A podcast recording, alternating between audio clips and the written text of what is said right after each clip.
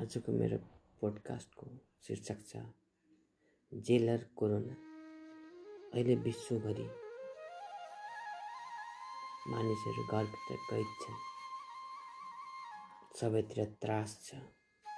कति देशमा मान्छेहरू मरिरहेका छन् यसको एकमात्र कारण हो अहिले महामारीको रूप लिएको एउटा यो नयाँ रोग जसलाई कोरोना भाइरस भनिन्छ।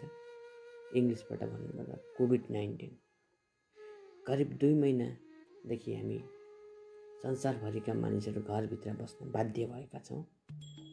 त्यही भएर मैले कोरोनालाई एउटा जेलरको रूपमा आज प्रस्तुत गर्न गइरहेको छु आफ्नो विचारहरू राख्न गइरहेको छु। जेलर के हो त? जेलर भनेको एउटा त्यस्तो व्यक्ति जसको अन्डरमा कैदीहरू राखेको हुन्छ।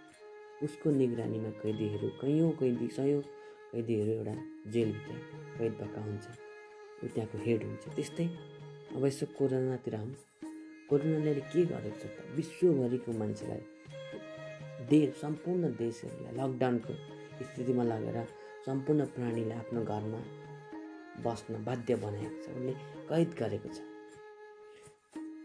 ऊ हरेक गल्ली गल्लीमा हिँडिरहेको छ। हरेक सहर हरेक देशमा हिँडिरहेको छ।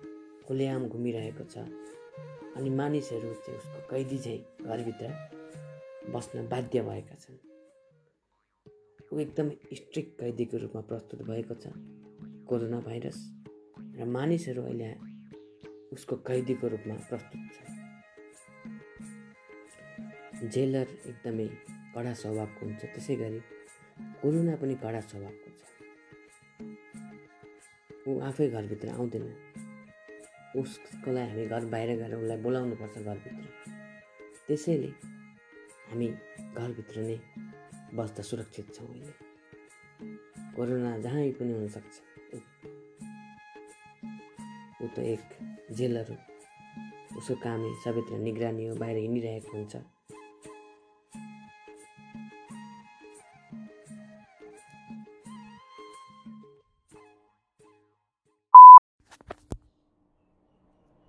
द जेलर अन्तर्गत अघिल्लो भागमा हामीले सुन्यौँ कसरी कोरोनाले जेलर बनेर यो संसारभरि आफ्नो कैदीहरूलाई घरभित्र रहन बाध्य पारेको छ?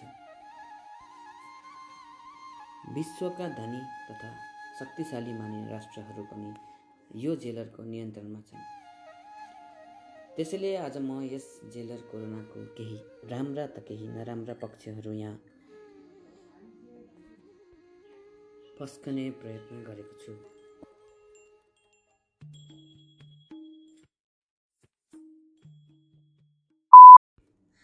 सुरुवात गरौँ राम्रो पक्षबाट। पुरानोले गर्दा अहिले सम्पूर्ण मानिसहरू आफ्नो घरभित्र रहेका छन्। यसको राम्रो पक्ष भनेको के हो त भन्दाखेरि हामीले आफ्नो परिवारसँग समय बिताउन पाइरहेको हुँदैनौँ। कोरोनाले गर्दा अहिले हामीले आफ्नो परिवारलाई समय दिन पाएका छौँ। त्यो एउटा राम्रो पक्ष हो। त्यसै गरी वातावरण प्रदूषण घटेको छ। अहिले सबैतिर हामी हरियो झारपात रुख बिरुवा उम्रेको देख्न पाउँछौँ। त्यो पनि राम्रो पक्ष हो।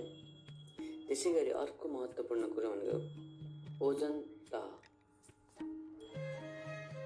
त्यसमा पनि सुधार आएको छ। त्यो अत्यन्त राम्रो कुरो हो। त्यसै गरी हामीले घरमा बसेर हाम्रा सानसानो नानी बाबुहरूलाई छोराछोरीहरूलाई जीवन उपयोगी शिक्षाहरू दिन सक्छौँ। यस विषयमा थप जानकारीका लागि मैले मेरा सहकर्मी मित्र सन्तोष लङ्सल लाई केही सुझाव मागेको थिएँ। उहाँले केही सुझावहरू दिनुभएको छ आफ्नो भनाइ राख्नुभएको छ। अबको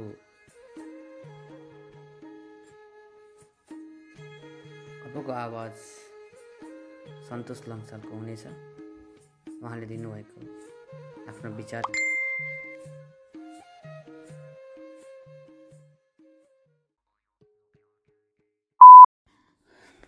सन्तोष लम्सालले व्यक्त गर्नुभएका उहाँका विचारहरू उहाँकै आवाजबाट यहाँ पस्केको छु।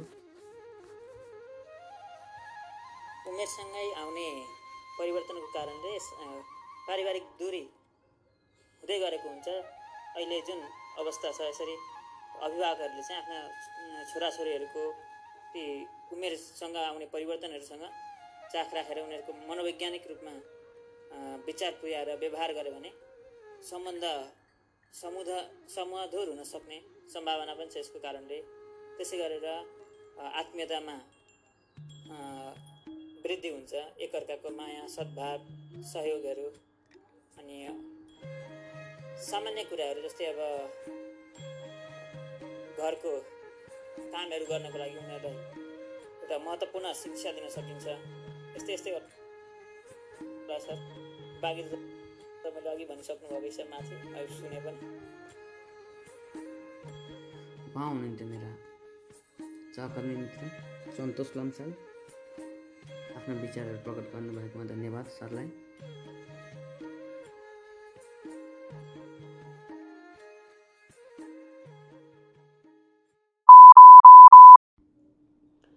नराम्रो पक्षमा पस्नुभन्दा पहिले आजका अझ केही राम्रो पक्षहरूको खोजी गरौँ। अहिले हामीलाई पोजिटिभ एनर्जी पोजिटिभ भाइबको आवश्यकता छ। आफ्नो मनोबललाई उच्च राख्दै आफ्ना नजिकका छरछिमेक साथीभाइहरूको पनि मनोबल उच्च राख्न सहयोग पुर्याउन आवश्यक छ। हामी पोजिटिभ रहन जरुरी छ। जङ्क फुडबाट छुटकारा पाउने अवसर हो। यो आफ्ना नानीहरूलाई जङ्क फुड भन्दा आफ्नो घरमा पाकेको कुरा स्वास्थ्यको लागि राम्रो हो भन्ने कुराको ज्ञान हामी दिन सक्छौँ उनीहरूलाई सम्झाउन सक्छौँ। साथै आफ्नो धर्म संस्कृति के हो त्यसको जानकारी पनि आफ्नो नानी बाबुलाई यस बेला हामी दिन सक्छौँ। साथै त्यसै गरी म अरू के भन्न चाहन्छु भने हामी धेरैमा विभिन्न खालका नराम्रो नराम्रा बानीहरू बसेको हुन्छ। त्यसलाई सुधार्ने अवसर पनि हो यो जस्तै कसैलाई चुरोट सुर्ती गुट्का जाँड रक्सी आदि जस्ता स्वास्थ्यलाई हानि पुर्याउने कुराहरूको लत लागेको हुन्छ। त्यसबाट छुटकारा पाउने यो अवसर हो। हामीले प्रयत्न गर्नुपर्छ। एक दुई दिन गाह्रो हुनसक्छ तर प्रयत्न जारी राखे हामी अवश्य सफल हुनेछौँ। खोज्दा देउता नि भेटिन्छन् भन्छन् यो त केवल हाम्रो एउटा लत हो। प्रयत्न प्रयत्न जारी राख्नुपर्छ। यसबाट हामी छुटकारा अवश्य पाउनेछौँ। साथै अरू धेरै अरू धेरै राम्रो पक्षहरू होलान् जुन मैले यहाँ समेट्न सकिनँ होला। यदि तपाईँहरूलाई त्यस्तो केही थाहा भए कमेन्ट गर्नुहोला। साथीहरू आजको यस भाग राम्रो पक्षमा आधारित रह्यो भने अर्को एपिसोड कोरोना द जेलरको नराम्रो पक्षमा आधारित रहनेछ। यो एपिसोड तयार गर्न सहयोग गर्न हुने मेरा मित्र प्रवेश खनाल र दाई सन्तोष लम्साललाई धन्यवाद दिन चाहन्छु। साथै तपाईँहरूले पनि सुनेर सहयोग दिनुभएकोमा धन्यवाद। र म अन्तिममा म के भन्न चाहन्छु भने घरमै बसौँ आफू पनि बचौँ अरूलाई पनि बचाउँ। जय नेपाल शुभरात्रि।